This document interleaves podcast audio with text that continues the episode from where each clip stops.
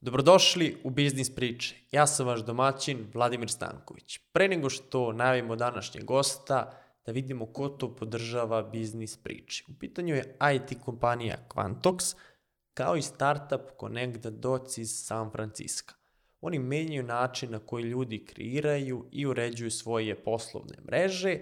Nedavno su uzeli investiciju od 15 miliona dolara i šire svoj razvojni tim u Beogradu, Ako želite da im se priključite, možete pogledati sve otvorene pozicije na linku u opisu ovog podcasta, a takođe smo spremili 20 evra popusta za Instagram kurs Sve tajne Instagram marketinga 2.0.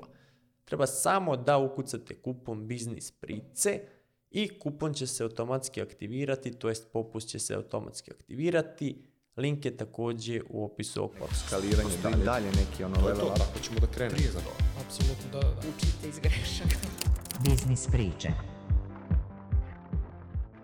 Danas u gostima imam direktora jedne banke, u pitanju je Erste banka, on je direktor već 15 godina, što je jubilej i rekord u Srbiji da neko bude na čelu banke 15 godina. Međutim, Nisam ga zvao zato što je bankar, zato što je direktor banke, već zato što je bio i preduzetnik pre toga, isticajem čudnih i zanimljivih okolnosti, on je postao direktor banke, pa ćemo da čujemo kako se to dogodilo i šta se to zbilo.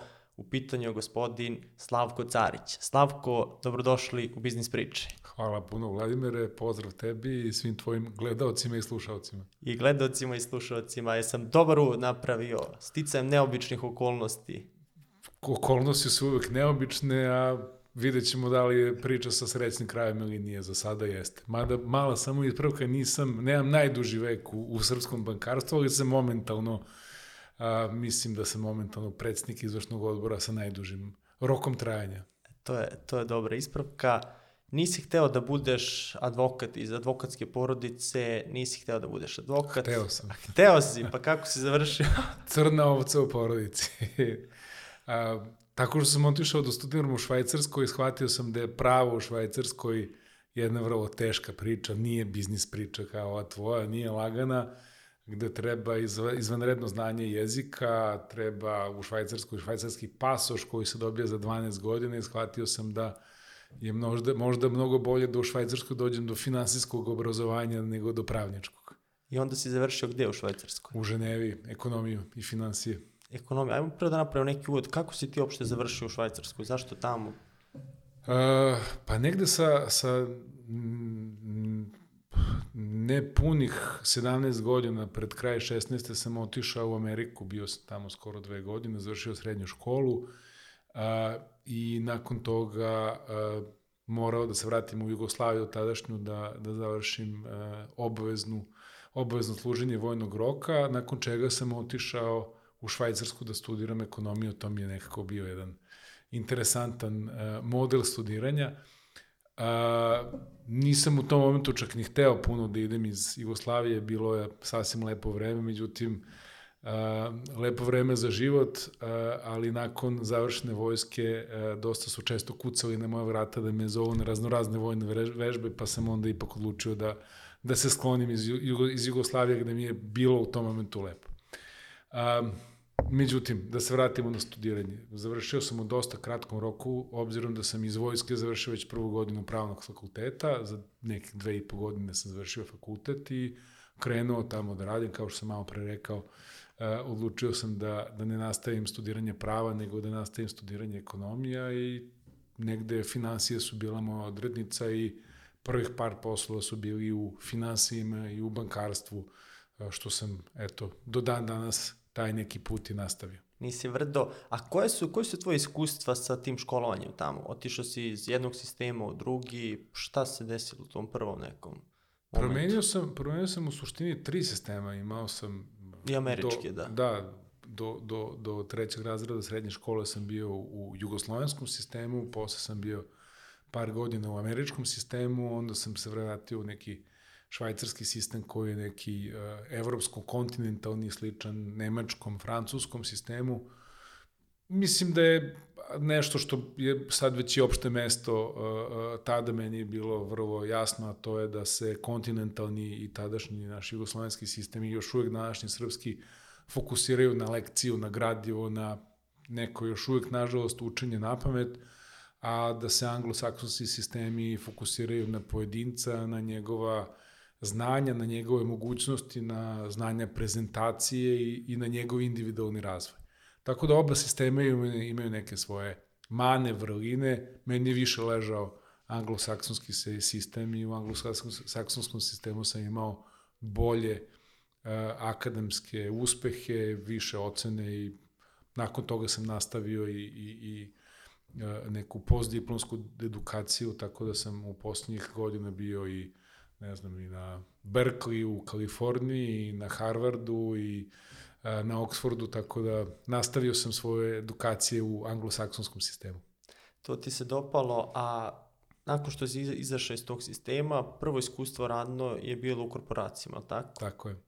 Odnosno, pre nego što sam otišao u Švajcarsku, prvo radno iskustvo mi je bilo da sam sa dva druga uh, osnovao tadašnju samostalnu zanatsku radnju, odnosno malu firmicu koja se bavila kabliranjem i, i povezivanjem naših komšija na kablovski distributivni sistem.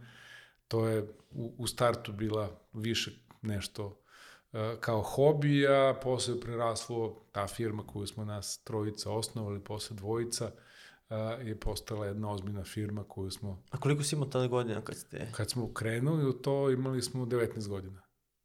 Šta je bila ideja? Okej. Okay. Ide, ideja je negde krenuo iz te Amerike, zato što kada sam otišao, kada sam krenuo Ameriku iz tadašnje Jugoslavije, imali smo tri televizijska programa, radio televiziju Beograd prvi, drugi i taj treći kanal, eksperimentalni.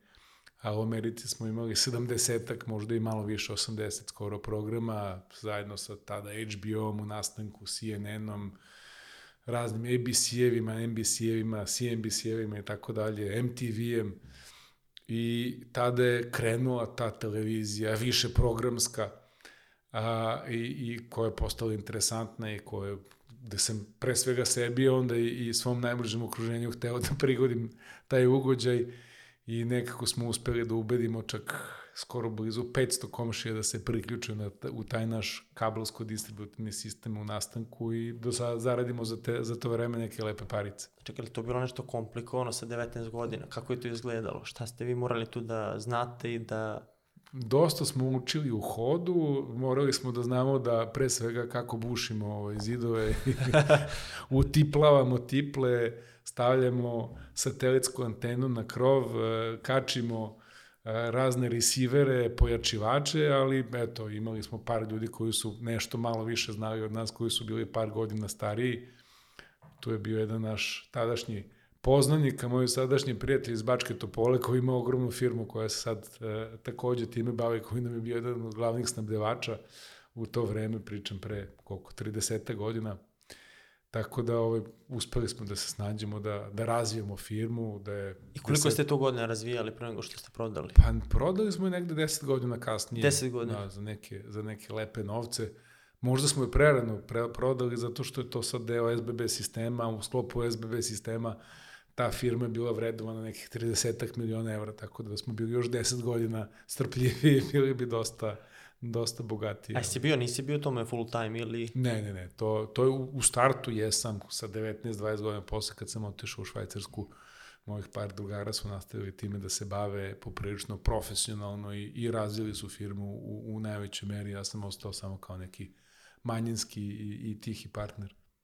To je znači prvo preduzetničko iskustvo Tako je. i onda dolaziš, ok, završavaš tamo formalno obrazovanje Jeste. i ulaziš u korporacije. Tako je, onda sam imao nekako korporacija od Procter Gamble-a, par nekih lokalnih banaka u Švajcarskoj, jednog fonda sa kojim sam radio, gde sam bio neka vrsta partnera i dolazi 2000. godina i, i promena vlasti u Srbiji i moja odluka da se vratim nazad u Srbiju je da probam da se oprobam ovde E, mislim da to nije bila loša odluka, uh, to je bilo vreme poprilično velike i dobre količine pozitivne energije, stranih investicija, privatizacije i tada sam zajedno sa, sa, sa nekoliko partnera, zajedno sa jednim partnerom koji je dugo godina ostao sa mnom partner i, i, i dobar prijatelj, smo ostavili nešto, osnovali nešto što bi danas mogli da nazovemo investicijonu banku, bavili smo se M&A consultingom u, u, i u privatizaciji i van privatizacije, bavili smo se trgovanjem akcijama, obveznicama na berzi i razvili smo firmu gde smo imali blizu 30 zaposlenih i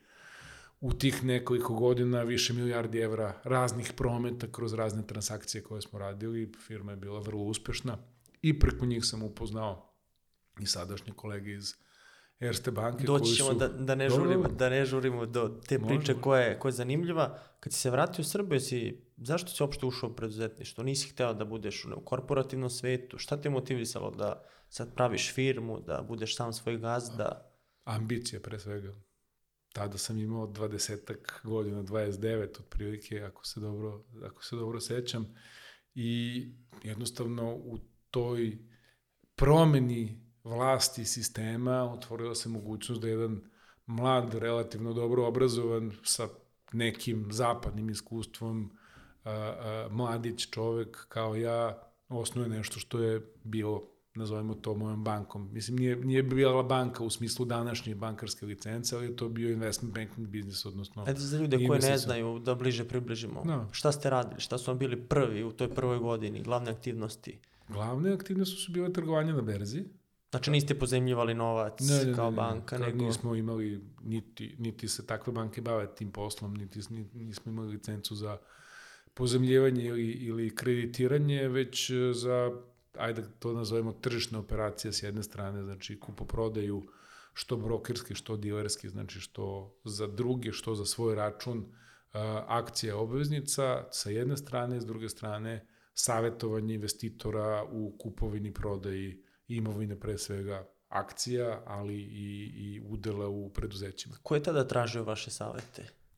Sto... A gotovo svi radili smo od države do najsitnijih privrednika koji su hteli da kroz aukcijsku privatizaciju, akcijsku privatizaciju kupe neku, neku veću imovinu i da, da uđu u neki veći biznis, jer opet kažem, to je bilo vreme tranzicije kada se državna imovina mahom prodavala i gde je bilo za svakoga ko je hteo u tome da učestvuje, postala je neka, neka mogućnost. U tim ranim danima koja je bila aktivnost koja vam donosila najviše novca?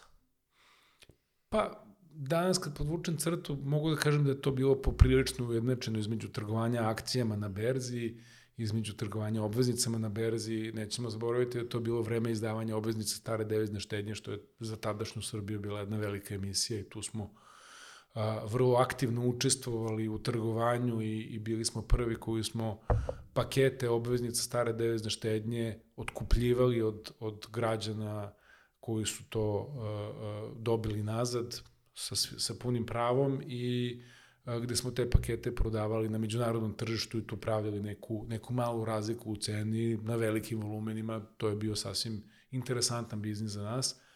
I naravno, savetodavni biznis, učestvovali smo u dosta bankarskih privatizacija, učestvovali smo u svim nekim većim transakcijama u to vreme u Srbiji.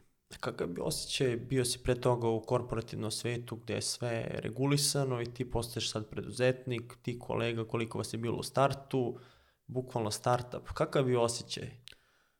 Pa jedna velika razlika pozitivna za preduzetništvo je što imaš mnogo veće osjećaj slobode, što si sam svoj gazda, što ti niko ne diktira kako šta može da radiš ni od slobodnog vremena do, do dnevnih aktivnosti i ciljeva.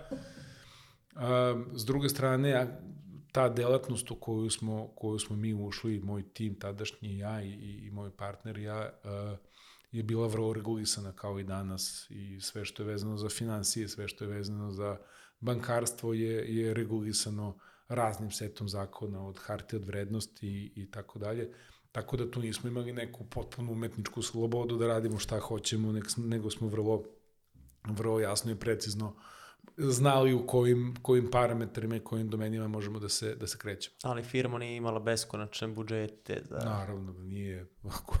Koliko smo zarađivali, toliko smo mogli da trošimo i tačno smo znali na što smo trošili. To jest, u to vreme smo jako, jako malo trošili kroz plate i kroz, kroz neke bonuse, a jako puno smo reinvestirali u kapital same firme i, i time dizali mogućnost takozvanog dilerskog poslovanja, odnosno trgovanja na, za sobstveni račun. Šta je bio najveći izazov tu u tim prvim godinama rada?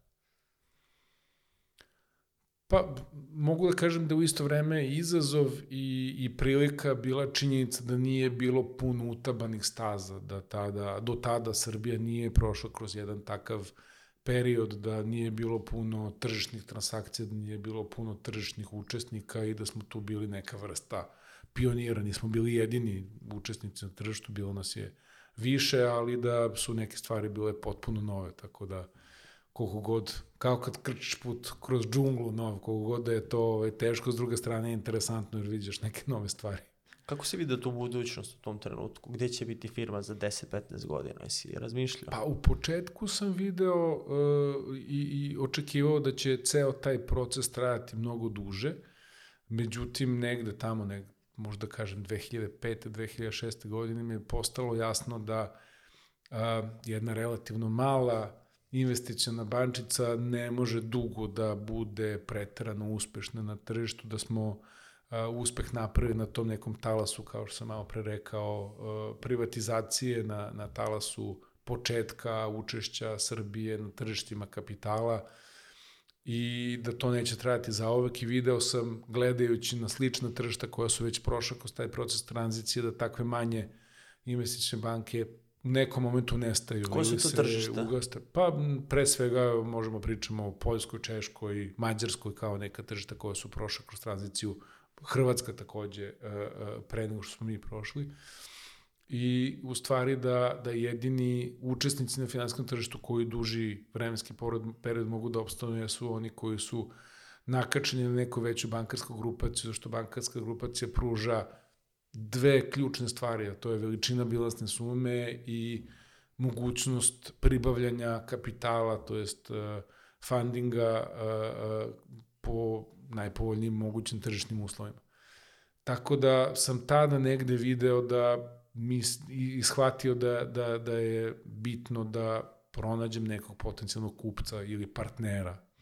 I imao sam par nekih prilika, jedna je bila za partnerstvo, u koju smo krenuli vrlo sresedno, e, izgradili jednu veću priču, međutim tada je došla ponuda jedne velike bankarske grupacije koja je otkupila tu, tu banku u koju smo ulagali i mi smo svoj stek u tome prodali, a onda je par godina kasnije, tamo negde krajem 2006. došla Erste grupa koja je, tada Erste banka, tek su kasnije postali grupa, koja je bila meni klijent. ponudila, koja nam je bila klijent, tako je, hvala na, na, na podsjećanju, uh, koja nam je bila klijent od 2005. godine, koja je nas kao, kao tim zaposlila da za njih i da im pomognemo i da budemo njihovi savjetnici u kupovanju banke u Srbiji. To je bila Novosadska banka koju je Erste banka iz Beča privatizovala, otkupila većinski paket od Ministarstva financija I mi smo tu bili njihovi savjetnici, uspešno smo završili tu transakciju i nakon godinu dana, a umeđu vremenu su oni našli lokalni menadžment za koji se ispostavilo da iz nekih razloga nije odgovarao. Nakon godinu dana od završetka te, transakcije oni su prišli meni lično i rekli mi bi hteli da ti ponudimo da ti vodiš tu banku. Na što sam ja rekao, dobro, a šta da radimo sa, sa mojom? uh, investicijnom kućom, oni su rekli, pa naći ćemo već nekog načina, možda bi mi to mogli da kupimo i, i onda smo napravili neki dogovor koji je bio tada vrlo pozitivan i interesantan za obe strane i u tom procesu sam ja prešao u Erste banku u Srbiji i bio sam u startu podpredsednik izvršnog odbora, onda nekih prilike godina dana kasnije sam postao i predsednik izvršnog odbora. Jesi razmišljao uopšte kad si krenuo na taj preduzetnički put da ćeš opet doći u korporaciju, da ćeš... Pa ja, ja stvarno ne vidim i, i nemam nikakav odnijum prema korporacijama i, i, i sam si malo pre istakao da sam krenuo van korporacije, pa sam bio u korporaciji, pa sam izašao, pa sam ponovo ušao, tako da meni to, da kažem, in and out ne pravi neki veliki problem, zato što jedna i druga strana biti u korporaciji, biti preduzetnik ima neke svoje mane, neke svoje vrline i ajde da kažem da je istina negde u sredini, tako da... Ovaj... A nisi razmišljao da exit bude prodao sam firmu i to je to penzija? Prvo, ni, nije bio takav paket, uh, drugo, bio sam pre mlad da odem u penziju, treći, bio sam preambiciozan da odem u penziju, ali da sam od onda video da ću biti ovaj, najduži u nekom momentu predsednik izvršnog odbora banke u Srbiji, ne, to nisam video, mislio sam da ću ostati nekoliko godina i da ću nakon toga da možda izađem iz bankarskog sveta, da ostanem u financijama, da osnovim neki fond ili nešto tako što me je držalo par godina, hteo sam da steknem iskustvo, da steknem kontakte, da steknem neka dodatna znanja, što se sve i desilo, ali se desilo umeđu vremenu i, i dosta velika kriza koja je taj neki mo, to neko moje razmišljanje o nekim fondovima u Srbiji, za Srbiju i za, za regiju nekako raspršilo. Tek sad vidimo par nekih fondova koji dolaze i koji, koji su, da kažem, etablirani u Srbiji i koji su sa nekim srpskim kapitalom i koji, koji rade neke stvari koje sam ja tada mislio da bi možda hteo da radim. To su znači fondovi, nisu ovi klasični, to jest fondovi koji ulažu u startupe, već fondovi koji ulažu u biznise. Klasični fondovi ne ulažu u startupe, to možda u tvojoj generaciji klasični fondovi, u mojoj generaciji klasični fondovi. Ne, ovde smo pominjali da, do da. sada fondove, fondove. U mojoj generaciji klasični fondovi ulažu u klasične firme, kupuju uglavnom većinski paket, dovode ili novi ili dodatak menadžmentu, podižu ibidu firme sa x na x puta 2, 3, 4, 5 i prodaju x put, znači ono što su uložili puta 2, puta 3, puta 4. E pa to, takve to priče nismo čuli.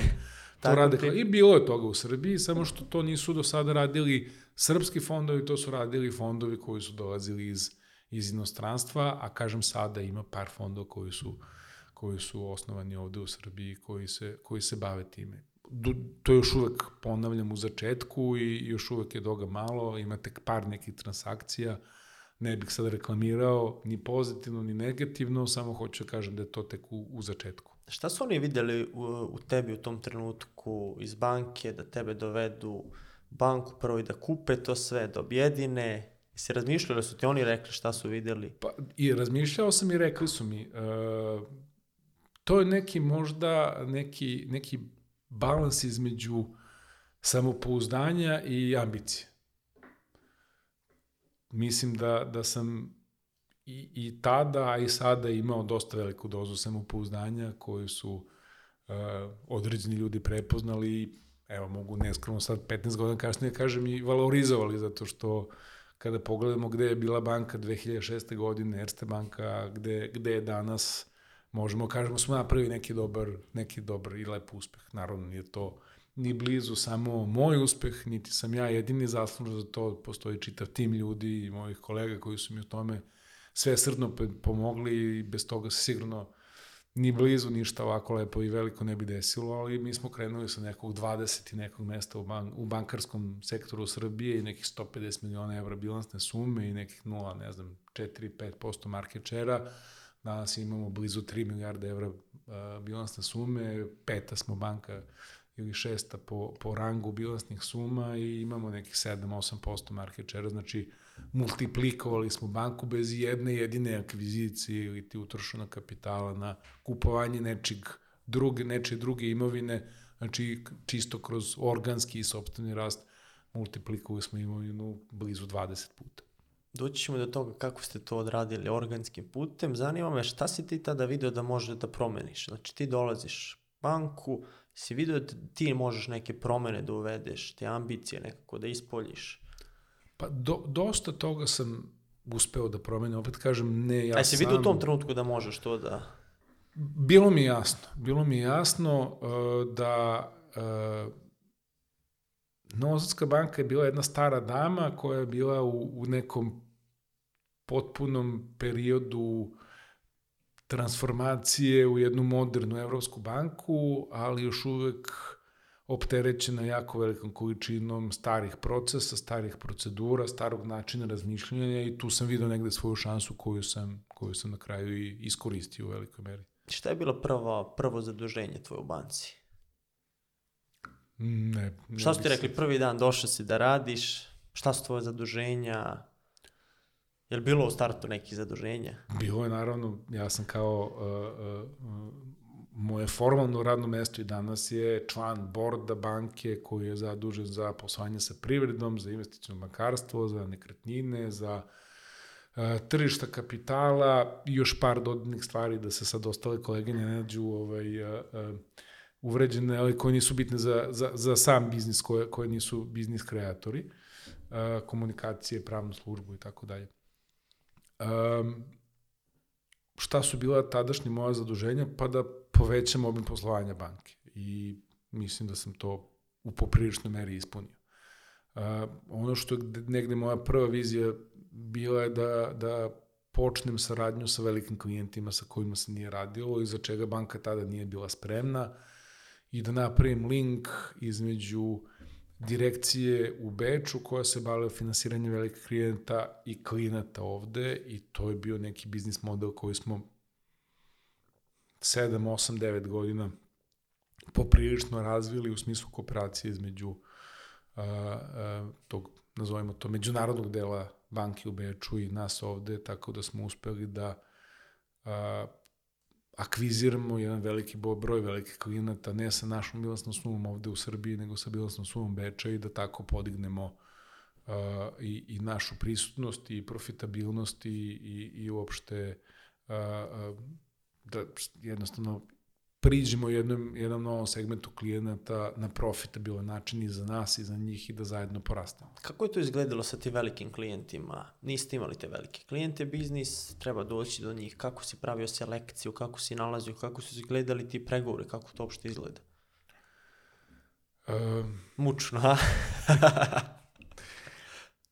evo, ispričat ću jednu, jednu, jednu Anegdotu. anegdotu. Da, ovaj, um, NIS je tada bio najveće, jedno možda top dve, tri firme po, po ukupnom uh, prihodu i po ukupnom profitu u Srbiji i ja ne mogu tačno se setiti, mislim da je 2007. ili 2008. godine NIS privatizovan na način da je većinski paket uh, država prodala uh, stranom partneru koji se zove Gazprom, koja je najveća ruska ili jedna od najvećih ruskih firmi. Uh, ja sam imao sreću ili nesreću, sad kako ko gleda, da učim ruski u osnovnoj školi i početku srednje škole, tako da sam sasvim pristojno pričao ruski. Oni su doveli, uh, Rusi su doveli par ključnih menadžera iz Rusije koji su vodili NIS i na nivou CEO-a i na nivou CFO-a i na, nivou podrške koju su, koju su dobili od majke firme. Ja sam uspeo da organizujem, da dovedem dvojicu kolega iz Beča koji su obojice pričali ruski i organizovali smo kod nas u centrali tadašnjoj u, u, u Beogradu, u bulevaru Mihala Pupina, um, sastanak sa, sa čelnicima Gazprom, Nisa, na ruskom jeziku i oni su bili oduševljeni i poverili su nama da i mi vodimo restrukturiranje a, financija NISA koja je tada bilo poprilično zaduženo sa velikom količinom kredita u raznim bankama, raznim valutama i tako dalje. Tako da je to bio jedan od prvih većih poslova koju smo akvizirali, a rekao bih, na lepe oči šarmi i neko znanje ruskog jezika iz osnovne škole. Ali namazano, namazano. Pa dobro, to je najveće, ali ima veće klinata od, od NIS. Pa tada, ja mislim da nije bilo, ne, ne sećam se, ne sećam se. Telekom je bio veliki, EPS je bio veliki, ali se nije zaduživao, još uvek jeste, ali, ali to je bio jedan veliki klijent sa velikim uh, potencijalom kreditnim i sa, sa velikim zahtevom za jedno veliko finansko restrukturiranje više stotina miliona, ja mislim da je oko, oko 600 miliona evra bio ukupan paket kredita koje nisi imao, koje je trebalo restrukturirati. Šta mi... znači to? Za ljude koje nisu iz struke. To znači da nis bio dužan... Dobro to. Aha. Srpski nisi bio, kad je preuzet, bio dužan cirka, ako se dobro sećam, 600 miliona evra, raznim bankama, u raznim tranšama, u raznim valutama i to je treb, trebalo su, trebalo organizovati nekoliko banaka koji će da refinansiraju ukupan taj iznos od 600 miliona evra, da vrate svim ostalim bankama, da to spakuju, da to bude jedna rata, jedan aranžman, jedan sindikat badanka i da to sve za NIS ima nekog smisla. Kad pričamo o tim kreditima, posebno tim ranim danima, koliko je bilo situacija da krediti se uzmu i ne mogu da, da se otplate? Pričamo o velikim firmama i zašto ne mogu da se otplati? Bi, bilo je toga dosta, uh, Bilo je toga dosta do 2001. godine, nemojmo zaboraviti da je neka vrsta renesanse e, srpskog bankarstva, a, neko se s tim neće složiti, ali to je sad pitanje da, argumenta po meni, a ne emocija, a, a, počelo 1. januara 2002. godine, jer se 31. decembra 2001. godine proglasio bankrot na četiri najveće dotadašnje srpske banke, koje nisu bile solventne više, a pre svega nisu bile solventne jer su finansirale iz svojih sobstvenih e, kreditnih e, potencijala privredu Srbije koja je kolaborirala što zbog embarga, sankcija, e, što zbog ratnih stanja, bombardovanje, uništavanje imovine i tako dalje i tako dalje.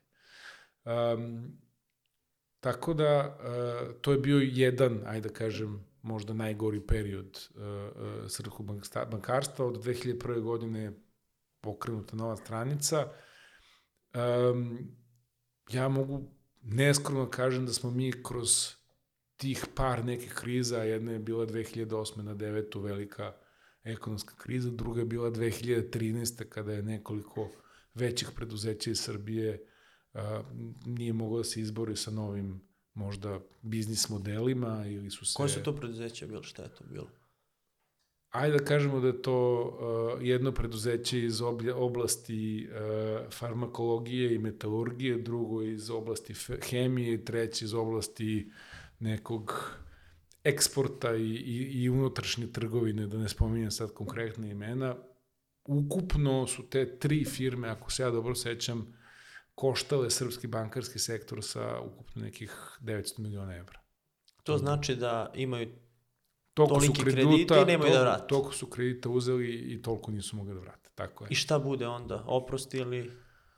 Pa nema tu, u bankarstvu nema oprosta. E, može da se desi. Ali u ovom slučaju mislim da je tu bilo i, ovo je sad moje lično mišljenje, ne znam, tu je bilo i raznih sudskih epiloga, krivičnih prijava, i, i, i sličnih sudskih procesa, da je moje mišljenje da je tu bilo i prevernih radnje, nemoguće da, da tolike pare nestanu.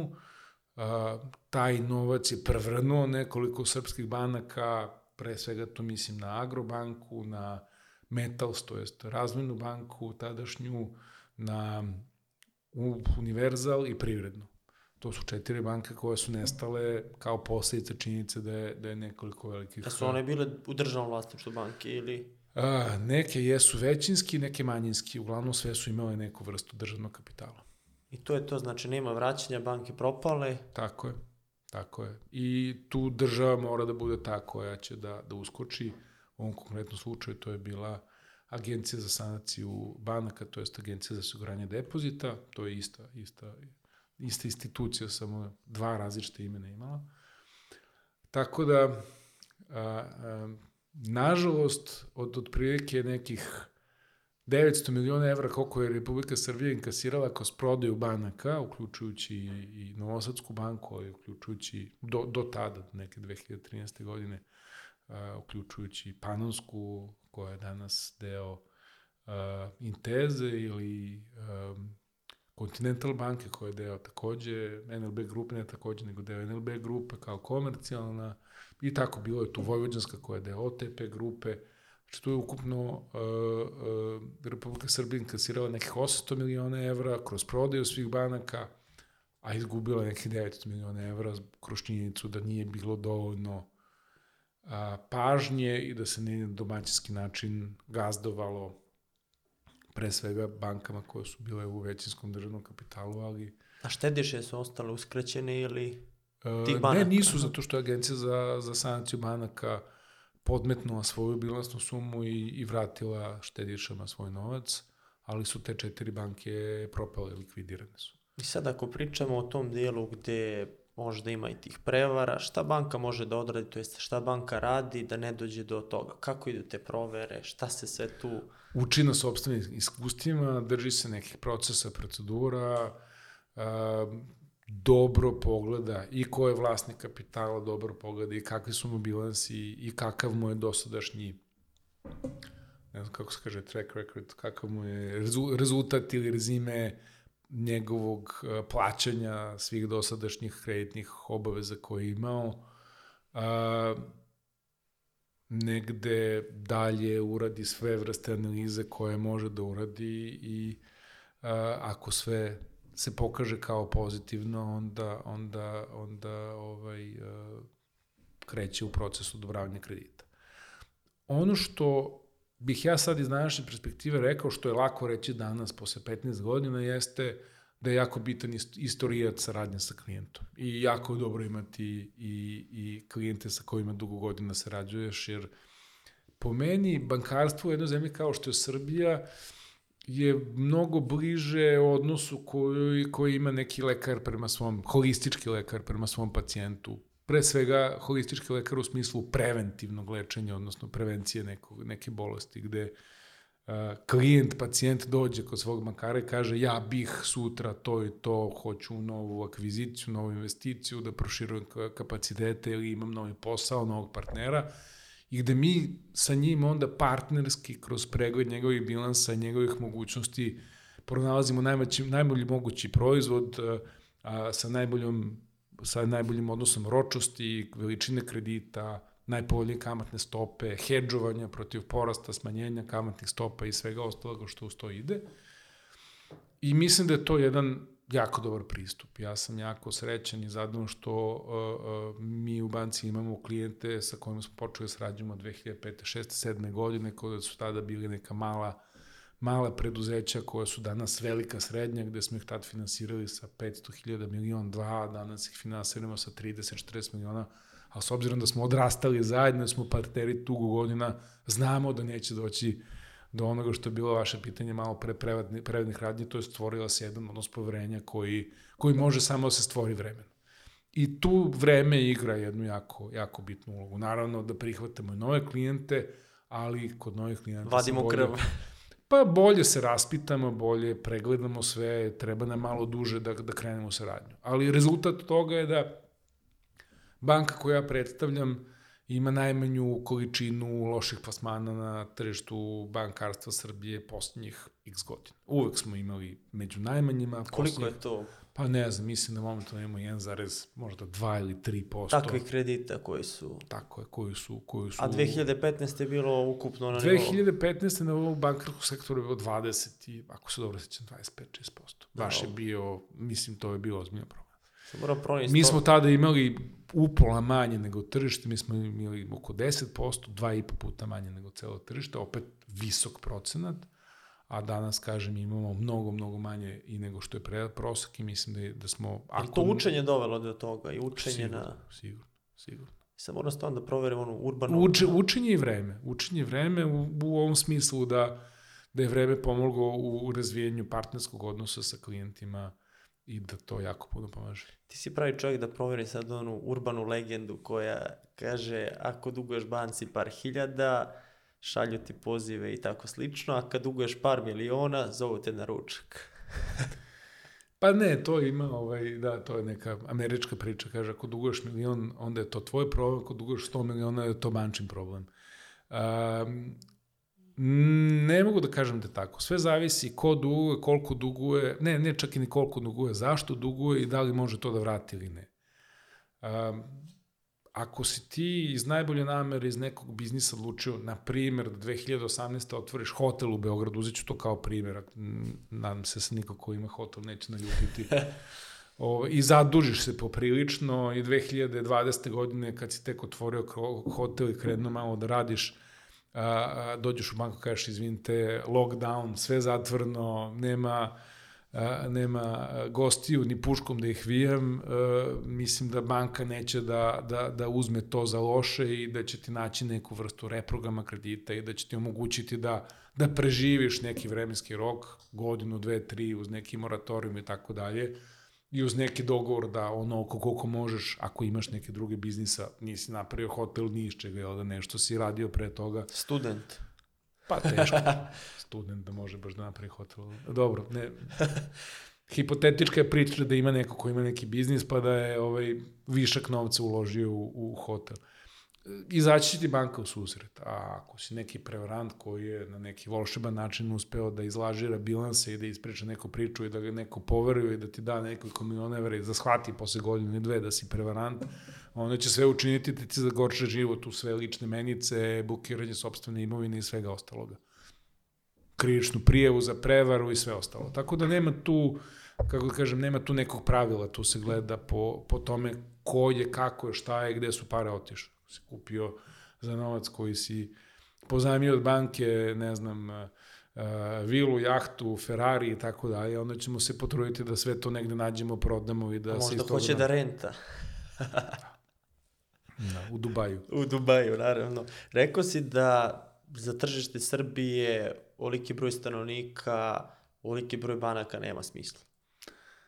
Preterano. Nema, nema. I... Koliko ih ima ukupno? Pa ja tu mogu da povučem neku prilike. paralelu sa, recimo, sa telekomunikacijnim kompanijama, sa mobilnom telefonijom. Mi danas u Srbiji imamo tri velika mobilna operatera, imamo par nekih, Manjih ajde kažem, manjih i aplikacije i tako dalje. Mislim da da će se u bankarskom sektoru Evrope pa i Srbije negde stvari iskristalisati, da ćeš imati u svakoj zemlji po dve, tri, četiri velike banke u zavisnosti od veličine ekonomije. Evo, recimo Kanada ima četiri velike nacionalne banke, ima ekonomiju koja je 50 puta veća od naše u, u smislu GDP outputa. Tako da ne vidim potrebu da u Srbiji imamo ovakav broj banka. Mi smo imali hit meseca banke, te su došle banke, sad neću nikog da uvredim, ne znam, iz jedne velike azijske zemlje, pa druge arapske zemlje, pa ne znam, iz jedne velike slovenske zemlje, pa iz jedne velike nama bliske sa velikim količinama plaža pravoslavne zemlje. E, svima, svima želim dobrodošlicu, ali sve one su dolazile ovde s nekim vrlo kratkoročnim ciljevima A koji kako su... su to ciljevi? Šta je to kad matematika Pa ne znam, evo, ajde da kažemo ovako, Rusi su došli ovde, na primer, sad da uzem njih, pošto ih skoro više nema ovde u Srbiji kao, kao banaka ili nekim tragovima mogu samo se vide njihovi ostaci.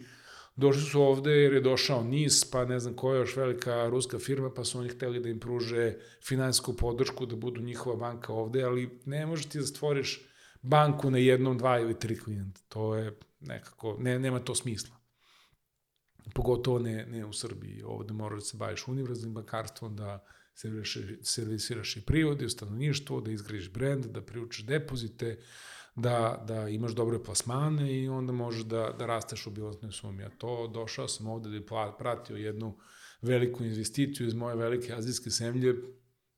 Svaka čast, ali ne može od toga da se napravi velika jaka banka. To mi nije jasno sa biznis strane, malo tržište, velika konkurencija i zašto se dolazi.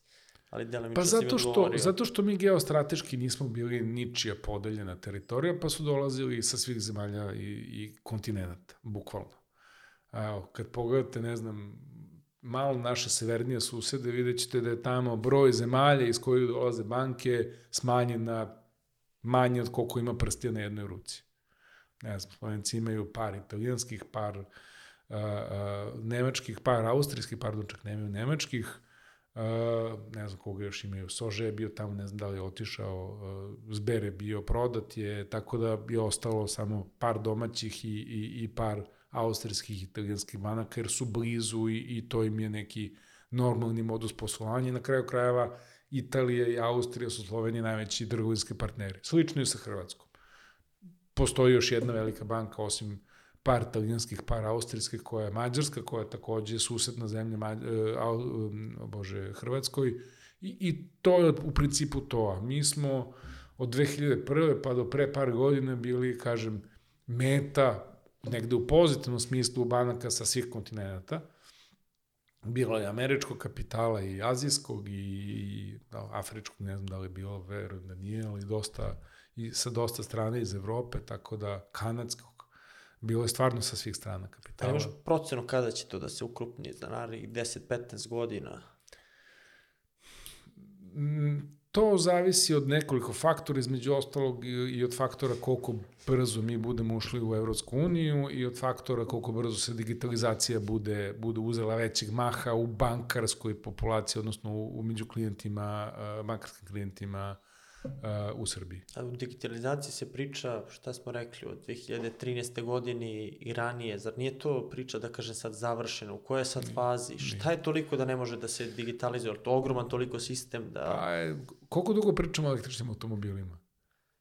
Pa zadnjih par godina. Pa malo duže, mislim, Tesla postoji sigurno 7 godina. Ali baš ovaj hit da je... Pa evo, ali još A- uvek, još uvek e, električni automobili nisu uzeli toliko maha i još uvek ljudi u većoj meri uzimaju hibridne automobile nego električne. A to, mislim, pravim samo neku liniju sa, sa, sa bankarstvom. I još uvek ne možemo kažemo da će 100% naših klijenta sutra biti digitalni u svim svojim potrebama. Tako da smo još uvek u nekom hibridnom modu, tako da to znači u stvari da nam trebaju i poslovnice i još uvek se širimo u smislu poslovnica, a boga mi poprilično rastemo u smislu digitalnog, digitalne ponude našim klijentima. Um, digitalna ponuda je pristupačnija, jeftinija, brža, lagodnija, ali još uvek, kažem, postoji veliki broj ljudi i kod nas, a boga mi i, i, i u inostranstvu koji žele da da vide fizičku poslovni, poslovnicu, da odnesu fizički novac, da uzmu fizički novac, iako, ne znam, na primjer u Austriji mislim da se preko 90% transakcija sad uh, ne obavlja više keš novcem, već uh, na jedan ili drugi elektronski način, uključujući kartice. Šta je konačni cilj te digitalizacije? Je li to potpuno, potpuni prelazak na online servise? Cash, cashless society. Znači nema poslovnica ili neki mini, minimalan broj?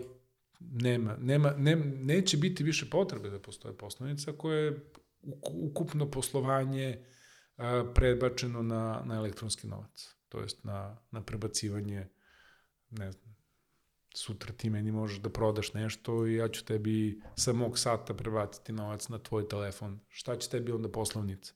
Ti onda iz svog telefona možeš taj novac da prebacuješ na drugo, treće, četvrto, pre, ne znam, platiš devojci ovaj, i ne pozemiš novac ili pošalješ novac putem instant payment sa, svo, sa svog računa na njen, sve preko mobilnog telefona, ne, jednostavno e, potreba za fizičkom poslovnicom prestaje. Osim kod potpisa. Pa, da, s tim što u može digitalizaciji, video identifikaciji, e, elektronskom potpisu i tako dalje, i to prestaje da bude, da bude obavez. To mi baš nije bilo jasno kada su ukinuli pečat, samo još u bankama potrebno da, da se lupa pečat.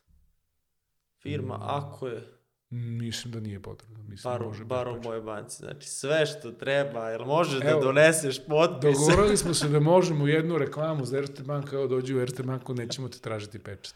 Nikada. Ne, nema potrebe. Znači, uplate, pazi, evo, primer sad, eh, YouTube uplate koji idu na račun firme, ok, stigne sve to, pečat, potpis, skeniraj i pusti nam. Tako, čemu to? Ne znam. Morat ćeš da pitaš procese, uh, uh, vlasnika procesa u svojoj banci. Eto, a, Znači, pitaj svoju banku ko je vlasnik tog procesa, dođe do njega pa ga pitaj Pero, Miko ili Žiko, a čemu to kad nije potrebno? ako mi to, kažem, rešite, evo, dolazim, dolazim kod vas, Što bi rekli naši imam, susedi, imam traku, Što, što bi rekli naši e, susedi malo sa juga, to ti je završeno. to je to. Imamo video potvrdu materijal, kad mi budu tražili kod tebe u banci, samo ću da im pustim ovaj isečak, pa da, pa da, pa da vidimo. Koliko vam je ova situacija sa, sa pandemijom ubrzala tu digitalizaciju? Se ljudi navikli u kojim procentima pričamo? Pričamo o tome da je u prvih nekoliko meseci pandemije rast digitalnih kanala bio u trocifrenim procentima. Tako da uh, uh, trend je jako dobar i nastavlja se. Mislim da sve više ljudi shvataju da nemaju potrebu da dođu u banku. Evo, ja, ja, sam, ja sam prvi evangelista na tu temu. Ja sam stvarno bio razmažen. Evo, kad sam 2007. počeo da radim u banci, posmo, po, po, ponašao sam se kao razmaženo derešte. Bio sam podpredsednik, posle predsednik banke, imao sam svoju kancelariju na nekom spratu tamo i uvek sam mogao da pozovem telefonom dole na šalter i kažem dajte mi molim vas izvadite 5000 dinara ili mi uplatite 5000 ili mi uplatite ovaj račun na račun. Danas mi je jednostavnije i brže da uzmem svoj mobilni telefon i svoju mobilnu aplikaciju i da prebacim ili da skeniram i da uplatim, nego da sad zovem nekog telefonom i da mu objašnjam 2-3 minuta šta treba radi. Jednostavno, to se radi bukvalno u, u, u, u treptaj oka. Jesi pričao sa ljudima koji više vole da kažem da, da uđu u banku, šta su njihovi motivi? Ja vidim ljude uplaćuju račune u menjačnici, to su po 5-6 računa, idemo redom. a imaš aplikaciju gde sve to možeš. Šta je tu? Je to ono da šta ako se desi pa nemam uplatnicu? Ja mislim da je to kod nas bolje da ja imam uplatnicu s pečatom i potpisom banke u fioci, nego da mi ko zna na nekom cloudu tamo stoji šta ako dođe iz EPS-a ili Telekoma ili Da, da režu vodovoda, struju. da, mi da, isključuju šta god da ja nemam papir. A kad je bila ova tranzicija baš za digitalizaciju plaćanje preko, preko telefona, u startu je ta opcija bila potpuno besplatna i onda je to krenulo da, da se naplaćuje. Je to ona faza učenja, pa kad se ljudi naviknu, ajmo da, da naplatimo ili... Ja mislim da bi ti kao milenijalac najbolje trebao da znaš šta znači freemium uh, pristup, je li tako? Znači, prvo je free, ako hoćeš uh, više functionalities, onda moraš nešto i da platiš. Uh, A ne, ne, pričamo o običnom, znači plaćanju jednog računa, prebacivanju novca, Mhm. to u startu, kažem, znam da je, da je bilo besplatno i onda su samo krenule da, da se ređaju neke, neke cifre. Ne, ja ne bih rekao sređio kod cif- cifre, još uvek je mnogo jeftinije da platiš e, preko M-bankinga nego da platiš e, preko šaltera. Ali ćemo se složiti da filijala, zaposleni, njegovo radno vreme, obezbeđenje, nameštaj, struja, hlađenje, grejanje, nešto košta, ali takođe nešto košta i IT infrastruktura i razvoj aplikacije i procesuiranje svake uplate, tako da ne treba da bude srazmerno ista cena za jedno i za drugo, ali mora da postoji cena i za jedno i za drugo. Kod mene u banci tu negde drže. Kon, kontra reklama za... Da treba da kažem još jednom promeni Ne. banku, ali... Ne treba, vidjet ćemo. Kako izgleda tvoj radni dan? Jel imaš neki ustaljeni ritam? Uh, Već imam, 15 imam, godina. Imam, kako da ne, imam ritam koji je poprilično ustaljen, a koji nije, koji nije jednak uh, svakog radnog dana, uh, ali ako krenemo od nekog ustajanja, prva stvar je neko vežbanje, uh, druga stvar je um, doručak sa decom, vožnja dece u školu i nakon toga dolazak na posao, što je negde red veličina pola devet, nekad malo kasnije nekad mi se desi da ne, od, ne odem odmah u banku, nego da sa nekim od, od poslovnih prijatelja partnera zakažem neku kafu koja je u nekom kafiću, ne toliko često, to mi je a, takođe deo rut, e, e, rituala, ali ne, ne svakog dana. Obaveze u banci od pola 9, 9 do 4, 5, 6 i onda povratak kući, još koji mail, koji telefon ili eventualno koji sastanak ili i ne redko se dešava neka što bi englezi rekli funkcija, to jest neki, neka večernja obaveza tipa poslovne večere, što uglavnom se trudim da izbegnem a, a, da bi mogao da se ujutro bavim sportom, jer ako puno i povedem uveče, onda neće moći, a ovaj, znači što zbog sporta, što zbog linije, što zbog zdravlja, što zbog a, svega ostalog, ali se desi večera, desi se neki prijem, desi se neki večernji event, tako da... Ali ima granice između poslovnog i privatnog. Kad se završi radno vreme, sad pričamo o funkciji generalnog direktora. Ima neke granice, ali i fluidno. da, mislim, trudim se da iza recimo šest ne zovem svoje saradnike i to ne zato što su ne znam u kojim zemljama sada Australija, Francuska, Portugal doneli takve zakone nedavno, već je to neka moja praksa, mislim da nije pristojno zvati ljude iza nekog vremena. Tu možda imam par najbližih saradnika s kojima imam vrlo prisan odnos i pogotovo kad svi znamo da se nešto važno dešava, onda onda umem da ih da zovem malo kasnije ili malo ranije, ali ne često. Takođe sam vrlo obziran kad znam da je neko na godišnjem odboru, ne, ne bih ga zvao osim ako nije neka preka potreba. E, pričamo o fluidnosti kraja radnog dana, ali pratim moje mailove koje dobijam do, ne znam, 6-7 uveče, nekad i 8, pa ako vidim da je nešto hitno, onda odreagujem, ako mislim da može sačeka ujutru, često može, onda sačekam ujutru, obavim par stvari koje nisam stigao u toku dana, pošlim neku poruku, obavim neki poziv, pozovem nekog klijenta koga nisam stigao, ili ako me zove kasnije, javim mu se, tako da...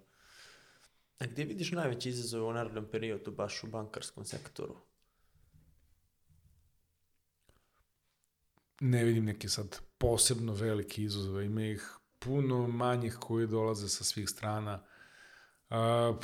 Evo, možemo da spomenemo da smo danas zasukali rukave, da vidimo šta sve znače sankcije nove, američke i, i možda već danas evropske za e, evropske banke. Za sada sankcije neće biti e, ili bar nisu prihvaćene od strane Srbije, ali mi kao banke sa sedištem u uniji moramo da da implementiramo sankcije prema, prema Rusiji i prema svim tim ljudima, kompanijama i tako dalje koje su, koje su na spisku sankcija. A, da li će doći do nekog porasta kamatnih stopa u narodnom periodu? Mislim da hoće, ne verujem da će biti veliki.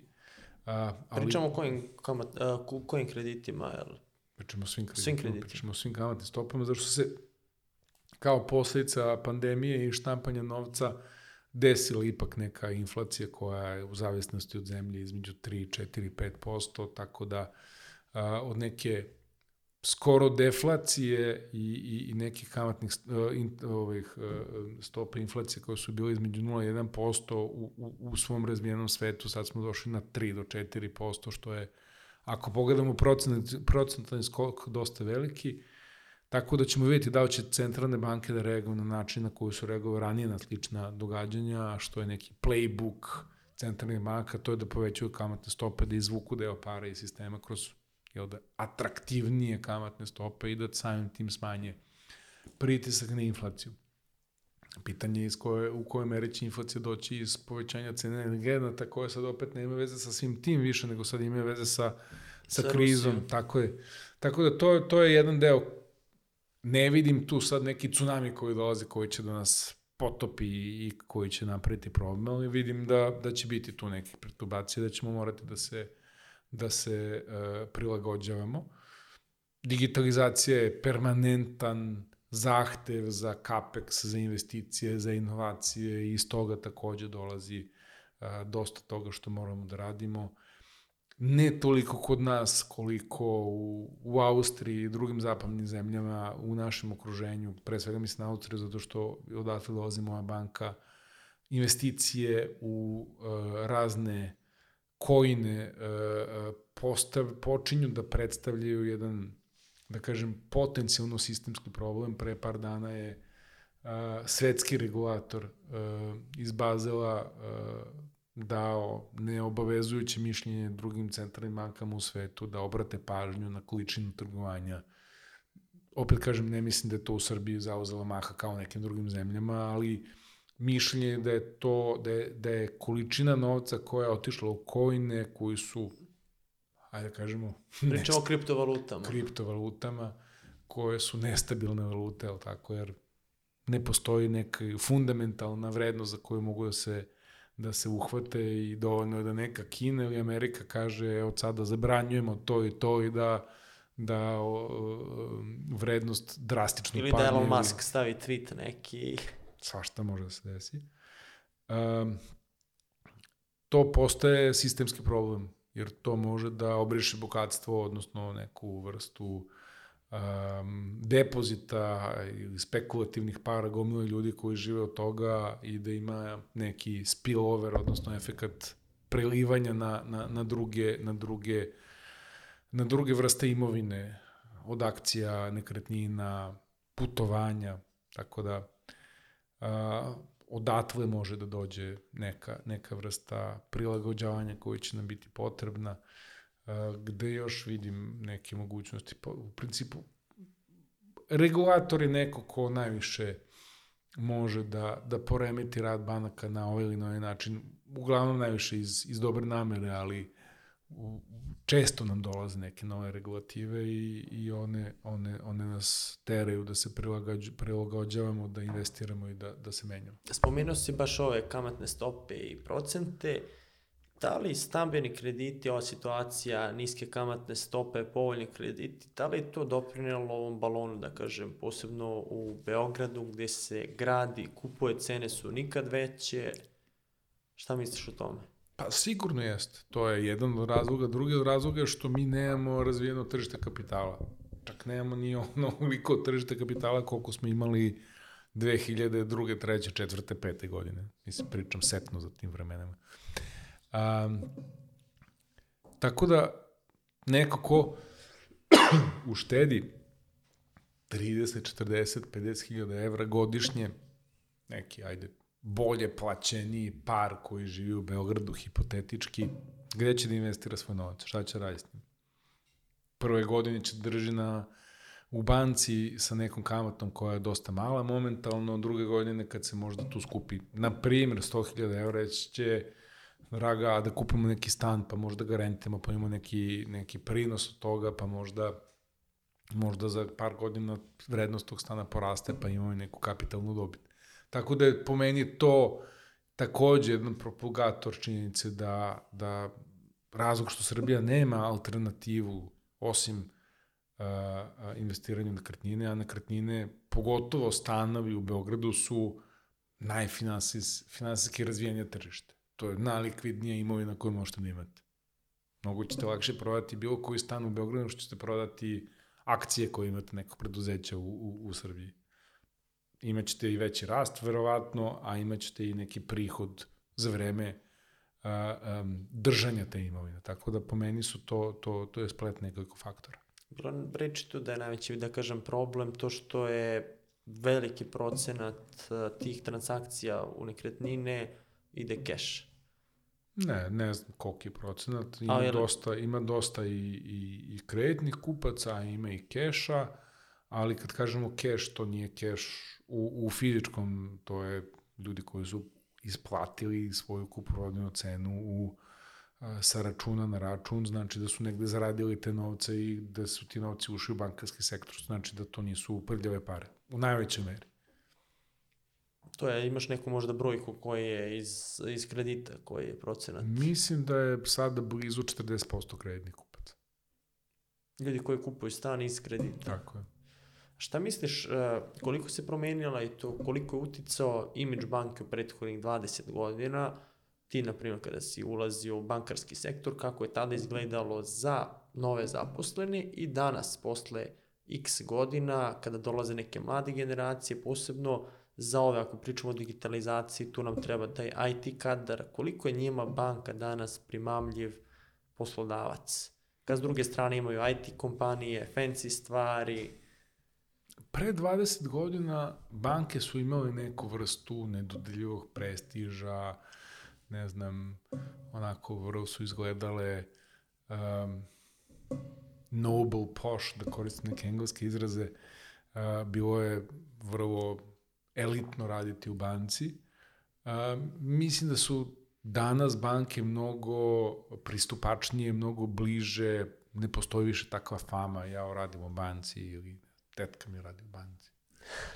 Um, I s te strane, mislim da je to dobro, da ljudi shvatili da su banke negde korporacije, odnosno firme kao i bilo koja, bilo koja druga.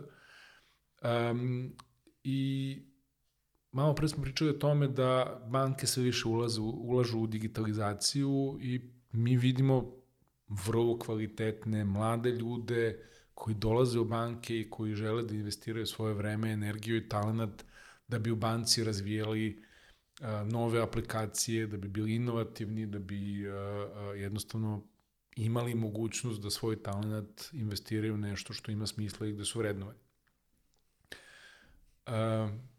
Tako da ja to vidim kao pozitivno, nemamo problem privlačenja kadrova, jedino što možemo da vidimo je da je turnaround, da je, da je protok kadrova kroz banku poslednjih godina, pogotovo u tom segmentu mlađih digitalnih nomada, veći nego što je to bilo ranije. Ranije, kad se zaposliš u banci, ostaneš do kraja života, a danas a, mlađi ostaju 2, 3, 4, 5 godine kad im, kada vide ili kada su a, možda do, došli do nekog nivoa da im više nije interesantno, promene posao i odu negde drugde. Ali dođu neki, no, neki novi dođu na njihovo mesto. Tako da ne mogu da kažem da banke više da su postale neinteresantne. Jesi primetio koja industrija odlazi? Ono što, ono što je takođe interesantno je što banke u digitalizaciji imaju nešto što za određene ljude može bude jako interesantno, a to je da imaju jako veliku količinu podataka o svojim klijentima, za razliku od drugih firmi.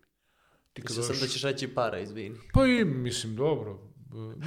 Trudimo se da budemo na istom nivou plata kao i, kao i naša konkurencija, gde smo shvatili da nas, naša konkurencija nije banka B ili banka C, već je naša konkurencija neki startup ili, ili neka firma iz Amerike koja je otvorila uh, svoj development centar u Beogradu. Tako da ne, ne fokusiramo se više da gledamo samo koliko, ne znam, paća banka a, X Konkurent, ili Y. da. Ali, um, recimo za one koji se bave data analizom i, i možda uh, nekim prediktivnim uh, uh, behavioralnim uh, analizama, mislim da banka može da bude jako dobro oruđe za njihov razvoj, zato što dobijaju veliku količinu podataka o, o, o klijentu. Gde je, kad je išao da kupuje, koje vreme, šta je kupovao, koliko troši para na ovo. Odeš u Ikeu, ti nemaš takvo saznanje o svom kupcu. Ti imaš samo ko je kupio s kojom karticom koju stolicu. A ovde vidiš bukvalno 360 svog klijenta. Gde, kada, kako troši novac. Sad je skoro ispao ovaj skandal kada je švajcarska banka, procurili su podaci i mogli smo da vidimo ko je sve iz Srbije imao račune. Koliki je to problem generalno za tu banku, dakle to procurelo, koliko je uopšte ta opasnost da može to da se desi bilo kojoj banci kad može švajcarcima, Postoji jedna stara jevreska izreka koja kaže da svaki bankar mora da čuva dve stvari, to je svoju reputaciju i svoj kapital. Tako da sigurno dotično švajcarskoj banci nije drago što se našla na prvim stranama raznih medija u raznim a, zemljama sveta kao neko ko je omogućio da razni ljudi sa svakakvim vrstama i kriminalnih prošlosti i tako dalje otvaraju račune i drže novac tamo. A, ja sam pogledao čak i njihov odgovor, njihov odgovor ima nekog smisla, to je da su sve to računi koji su pozatvarani pre dekadu i više, da su oni uradili više puta čišćenje a, svog portfolija klijenata i da su gomili tih ljudi koji su se našli na, sada na udaru računi odavno pozatvarani, što ima apsolutno nekog smisla. A, tako da, da li im je to poznat za reputaciju, nije, da li će ih to a, a, negde užasno i strašno pogoditi, neće, ostaće da funkcionišu kao jedna od najvećih švajcarskih banaka. a to što generalno po zakonu nije u Srbiji, da ti sad otvoriš račun u Švajcarskoj. Da, mi imamo još uvek na snazi jedan stari zakon o deviznom poslovanju koji omogućava građanima Srbije da otvore račune u inostranstvu, ali samo pod, pod određenim uslovima i u konkretnim slučajevima uz odobrenje Narodne banke. Pa njima to nije problem švajcarcima što taj zakon nije, jer kod njih nema tog zakona. Ne, ne, oni, oni gledaju na, na svoje zakone, ako nisi u kršenju njihovog zakona, onda nisu oni ti koji sprovode zakone drugih zemalja. E sad malo pre su spomenuli šta, si, što je, šta se sve dogodilo od kad si ti došao na poziciju direktora, kakav je tu rast ostvaren, rekli smo da je to organski, niste kupovali druge banke, šta je najviše doprinilo tome? Ok, imamo tim, koje su to strategije aktivnosti koje možemo sad da analiziramo, tu je bilo milion sitnih stvari koje su donele, ali možeš nešto ti da, da izdvojiš šta je to što je doprinilo tom rastu organskom, znači bez kupovine drugih banaka, a porasli ste, rekli smo, količina novca puta 20. Kultura. Korporativna kultura. Šta je korporativna kultura? Svi spominju, ali šta je to u praksi? A, možda napraviš sjajnu strategiju, ali ako nemaš e, tim koji je koji te prati, koji je takođe um, u dovoljnoj dozi agresivan i ambiciozan i koji želi da ostvari rezultate, rezultate zajedno s tobom i kome nije problem da se javi i, i napiše mail ili zove i u 8 i u 9 uveče, onda svaku strategiju možeš da onako zgužvaš i, i baciš u najbližu kantu. Strategije su se ovih 15 godina menjale, a neću kažem 15 puta, ali sigurno minimum toliko puta. Uh, tako da ne postoji jedna strategija, postoji samo volja da se, da se, da se poraste, da se uh, bude relevantan, da se postane sistemska banka, što u Srbiji, što u, u, u okviru erste grupacije i mislim da to bio glavni faktor. I dovoljna doza poverenja ljudi sa kojima radiš da zajednički ostvarite taj cilj. Ti si video kakva je situacija bila sa Novosadskom bankom koju su oni tada kupili, kakav je kadar bio i ti kada si došao, šta si prvo tu krenuo da, da menjaš, kako si motivisao te ljude uopšte da daju taj maksimum, da sprovode to, ili imaš tu neke trikove, how to? A, ne postoje trikovi koji prvo mislim nije poenta da kažemo trikovi, jer nije, nisu trikovi u pitanju. Uh, drugo, uh, nije isti set alata koji ti imaš dobar za osobu A i za osobu B kao ni za osobu C. Za svakom, svakom je potrebno nešto, nešto drugačije, neki drugačiji miks, ali mislim da je neka vrsta zajedničkog deljenja cilja uh, uz dozu poverenja i zajedničku ambiciju jedan miks koji, koji može i koji iz moje perspektive pokazuje rezultate. Kako uspeš da motivišeš te najbliže saradnike? Ljudsk, ljudskim razgovorom. Šta ti želiš, koji su tvoji ciljevi, kako ja da ti pomognem u tome. Nema tu, nema tu sad nekog posebnog, uh, kao što si ti malo pre rekao, trik. Iskren razgovor, šta ti želiš, ko, ka, kako zajednički da sarađujemo i mislim da, da se time naj, postižu najbolji rezultati. Mislim, to nije nešto što sam ja ni naučio, niti video nekoga, možemo kažemo da je to neka moja autentičnost, koja nije verovatno ni blizu samo moja, ni sigurno ima puno ljudi koji se ponašaju prema svojim saradnicima na takav način, ali... To je da... prirodnost u odnosu sa ljudima. Da, da. Ako bi morao sad da izbudiš jednu veštinu koja, koja ti je pomogla za sve to, nezahvalno je malo, jel imaš i se razmišljao o tome, u čemu sam ja to toliko dobar pa da pravim i rezultate, ali veština. To odnos sa ljudima, jel? Imam nekoliko veština za koje sam se edukovao. Uh, jedna od njih je liderstvo i ono što nisam znao kao mali je što sam naučio od 2007. praktično kako sam došao u Erste grupu i, i prošao nekoliko kurseva jeste da je liderstvo veština i da možemo da postanemo bolji u, u liderstvu ako nešto odslušamo, nešto pročitamo i apliciramo neka od tih znanja koje smo akvizirali. A mislim da je jedna druga veština u kojoj sam bio dobar i ranije, a opet e, i, i, i, i tu sam negde uložio u sebe veština pregovaranja. E sad, da li tu imaš neki recept ili neku anegdotu za kako si to učio pregovaranje? Išao sam na, na, na kurseve što na Oxfordu, što na Harvardu iz pregovaranja, gde sam naučio teoriju pregovaranja i samo sam neke stvari koje sam možda intuitivno znao još, još više potkrepio. Ja se sećaš možda, ne moraš da sada da otkrivaš, ali najtežeg pregovaranja, šta je to bilo? Vezano za posao, za korpo, za privatni sektor ili... Najteže pregovaranje koje imam mi se dešava malte ne na dnevnoj sa bazi, decom. to je ili sa čerkom ili sa ženom, tako da njih dve su uvek najteži pregovarači. To je znači. To je, to je onako oštrenje pregovaračkog mača svako jutro i svako veče. To znači ni kursevi ne, ne pomažu. Čisto iskustvo.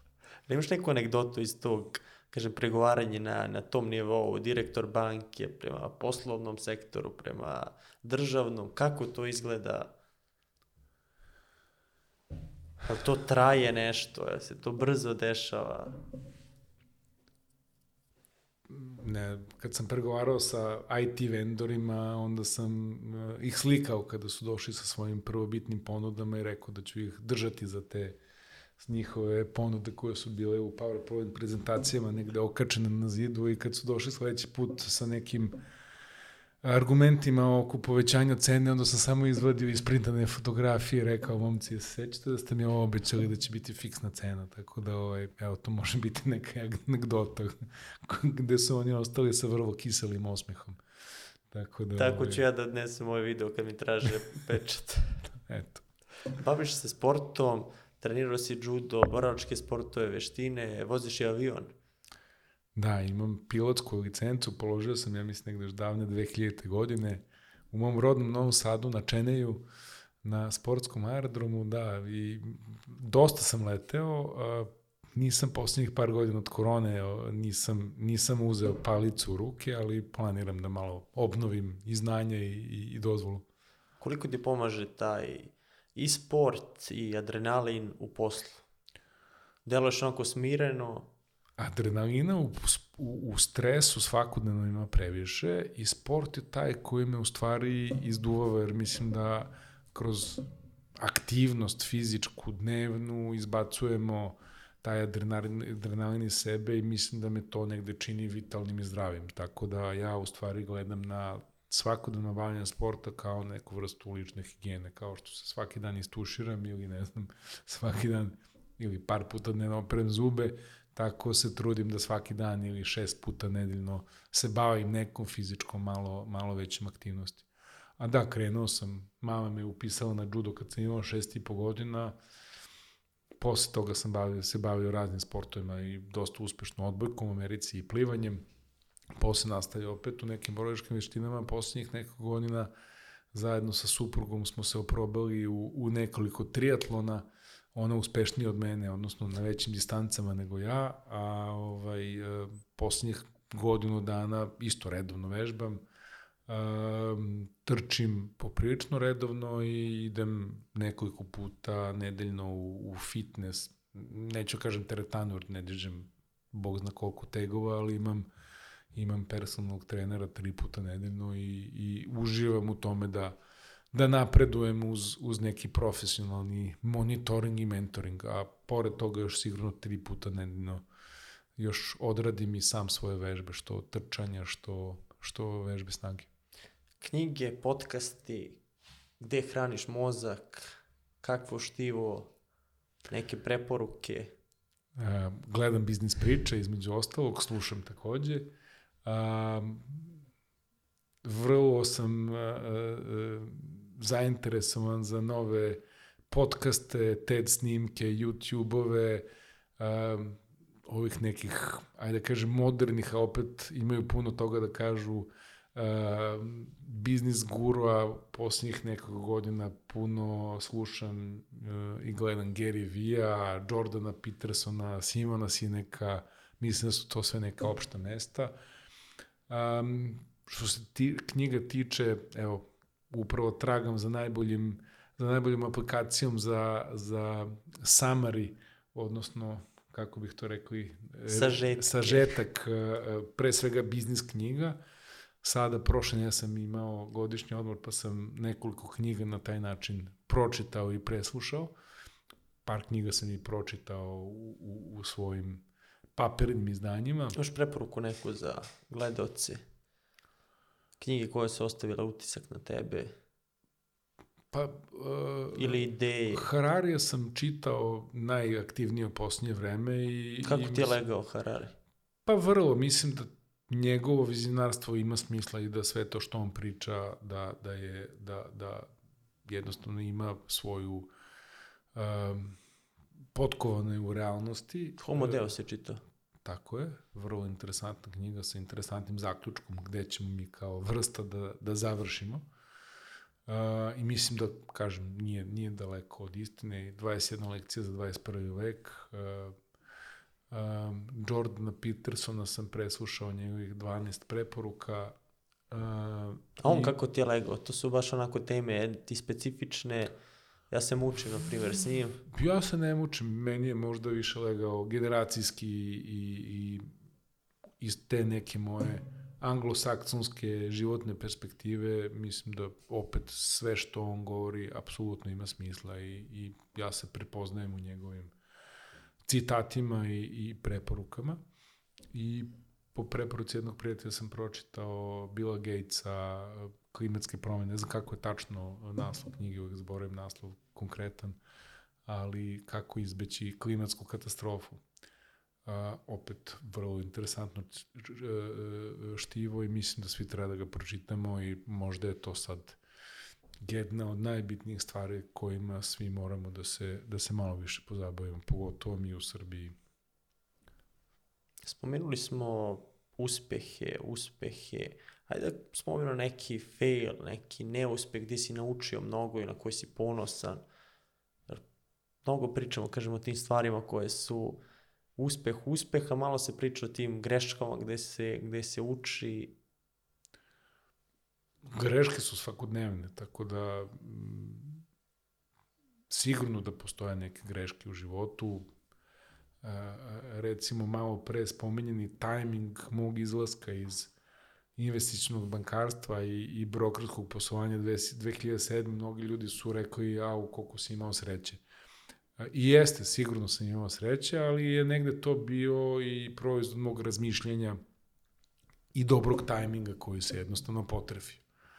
Um, mene više od grešaka ne vre loš tajming uh, i par nekih loših tajminga imam u, u, u svom profesionalnom životu koje mogu da, da nazovem kao greške, ne znam, loš tajming, možda propuštene akvizicije neke banke u Srbiji koju sam mislio da treba da kupim, ali se jednostavno ispostavio da je za nas bio jako loš tajming iz sklopa nekih aktivnosti. To može biti podvedeno kao greška ili možda je loš moment kada smo započeli menjanje i digitalizaciju banke, pa nas je zahvatila korona, pa se sve produžilo i tako dalje.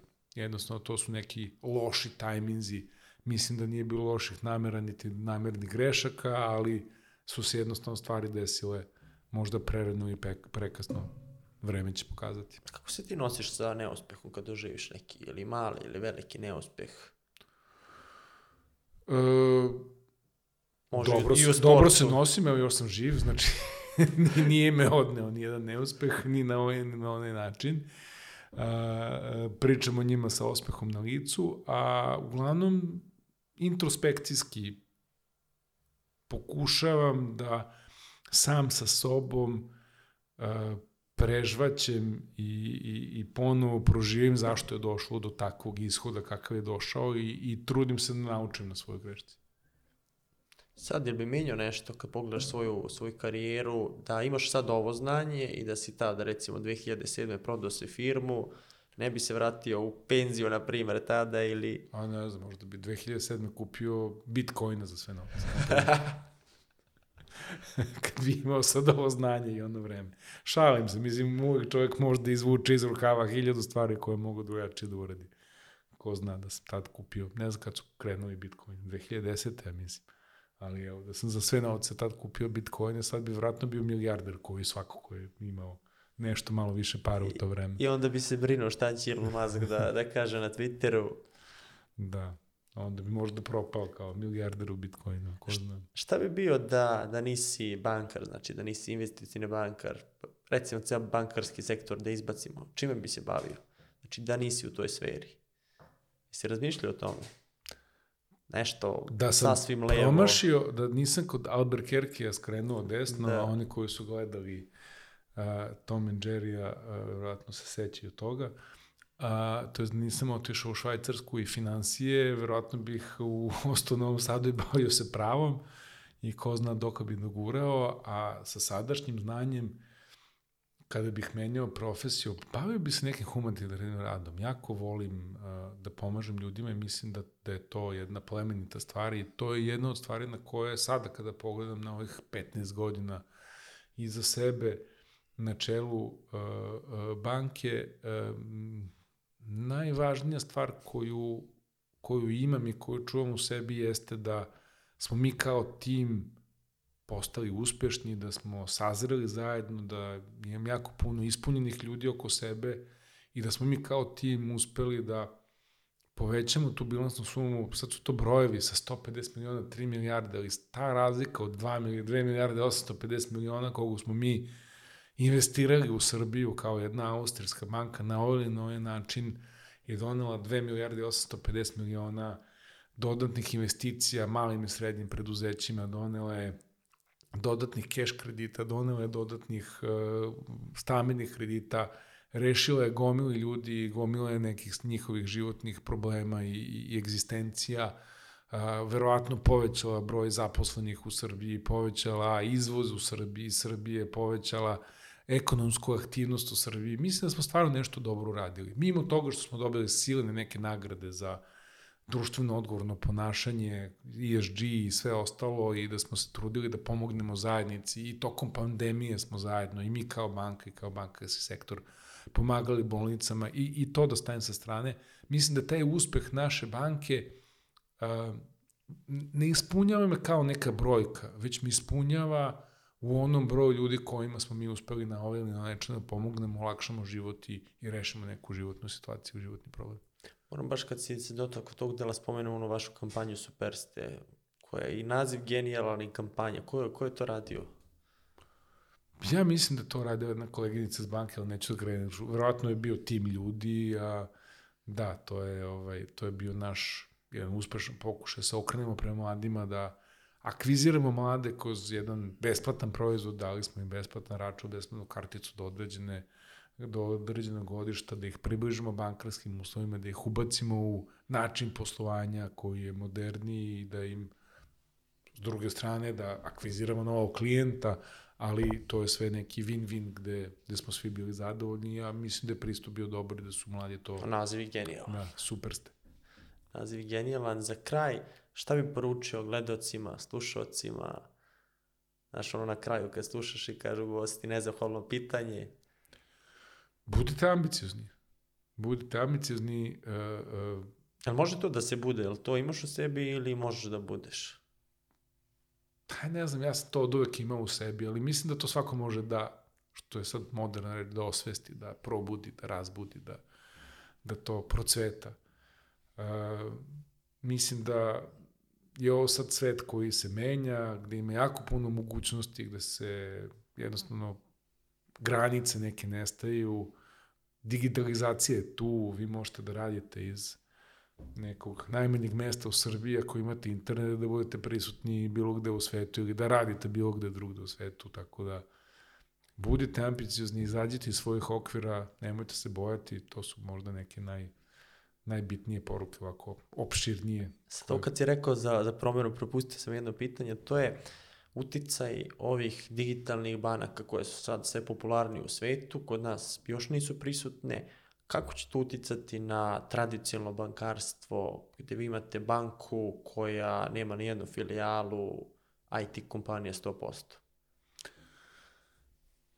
Da se mi postavio isto pitanje pre možda 8-9 godina, ja bih ti rekao, jako se plašimo, to će ugroziti naš biznis model, ko zna koliko će banka da propadne i tako dalje. Od danas, 8-9 godina kasnije, mogu da ti kažem da možda malo zvuči ovako ovaj, pežorativno, treslo se gora, rodio se miš, jeste tu su, jeste aktivni su, ali to ti je kao kad bi pitao ne iz Maxija ili Disa ili hipermarketa da li se boje trafike na ćošku ok, možda će neko, zašto im je bliže da kupe žvaku tamo ili da kupe, ne znam, šibice, nebitno, ali za neku ozbiljniju kupovinu, za neko rešavanje ozbiljnije životne situacije, otići ćeš u jednu ozbiljnu, konzervativnu, klasičnu banku, sešćeš nekim i dogovorit ćeš se da li je to stambeni kredit ili je to neki ne, ne, neka veća, neka veća stvar. Je li bolji primer trafika ili, na primjer, ono, taksi i Uber? Ne bih to poredio. Mislim da taksi i Uber su jako slični, samo je pitanje kako ih e, kontaktiraš i kako ih plaćaš. Ali ti možeš da odeš u neku tu modernu online banku i da dobiješ dva najbitnija proizvoda, to je da otvoriš račun i dobiješ karticu. A, ti to, to ne rešava sve tvoje životne probleme. Ti, ako hoćeš sutra da se zaposliš, da imaš tekući račun, da imaš e, dozvoljene minuse, da imaš, e, ne znam, e, cash kredit, da prekstra kupiš stan, to ćeš morati da uradiš u, u nekoj drugoj banci. Ono što mi umeđu vremenu radili je sve veće banke, a mislim da tu Erste grupa ima jedan ozbiljan iskorak sa aplikacijom koja se zove George, koja je prisutna u celoj zapadnoj Evropi gde smo mi prisutni i koja će nadam se uskoro kad mi završimo našu transformaciju doći u Srbiju.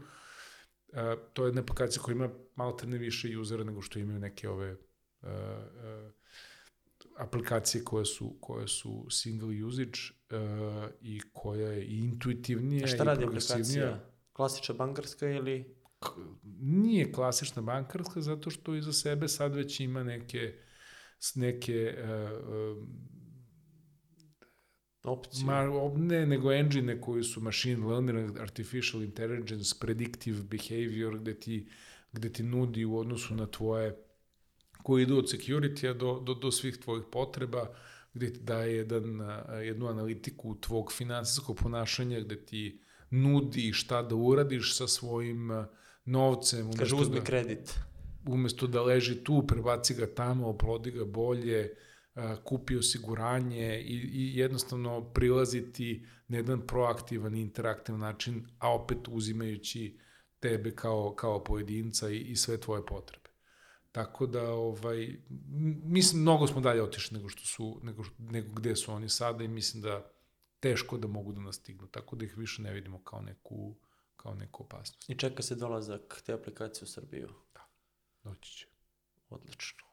Hvala ti što si bio gost, što smo zavirili u život i poslovni i privatni direktora sa najdužim stažom. Trenutno, ispravi me ako, Tako, tako ne, da, tako nešto. ako grešim. Hvala ti što si bio gost. Javit ćeš utiske kad budeš pregledao ili Vrlo preslušao. rado. Hvala tebi na vremenu, hvala što si me pozvao, hvala na interesantnim pitanjima i nadam se da smo bili interesantni i gledalcima i slušalcima. Meni je to... Vidjet ćemo u komentarima. Vidjet ćemo u komentarima, meni je to bio izazov, pošto većinu bankarskih priča koje sam slušao, to je neka ne tematika, već se sve, ono što sam ti rekao, da priča o firmi 100%, ništa levo desno, a i možda je pomoglo to što si ti, to je sigurno je pomoglo što ti nisi baš uobičajeni bankar, već neko ko je iz preduzetništva, išao ovamo levo desno, vozi avion. Tako da, hvala ti. Hvala tebi. A mi se vidimo u narednoj epizodi Biznis priča.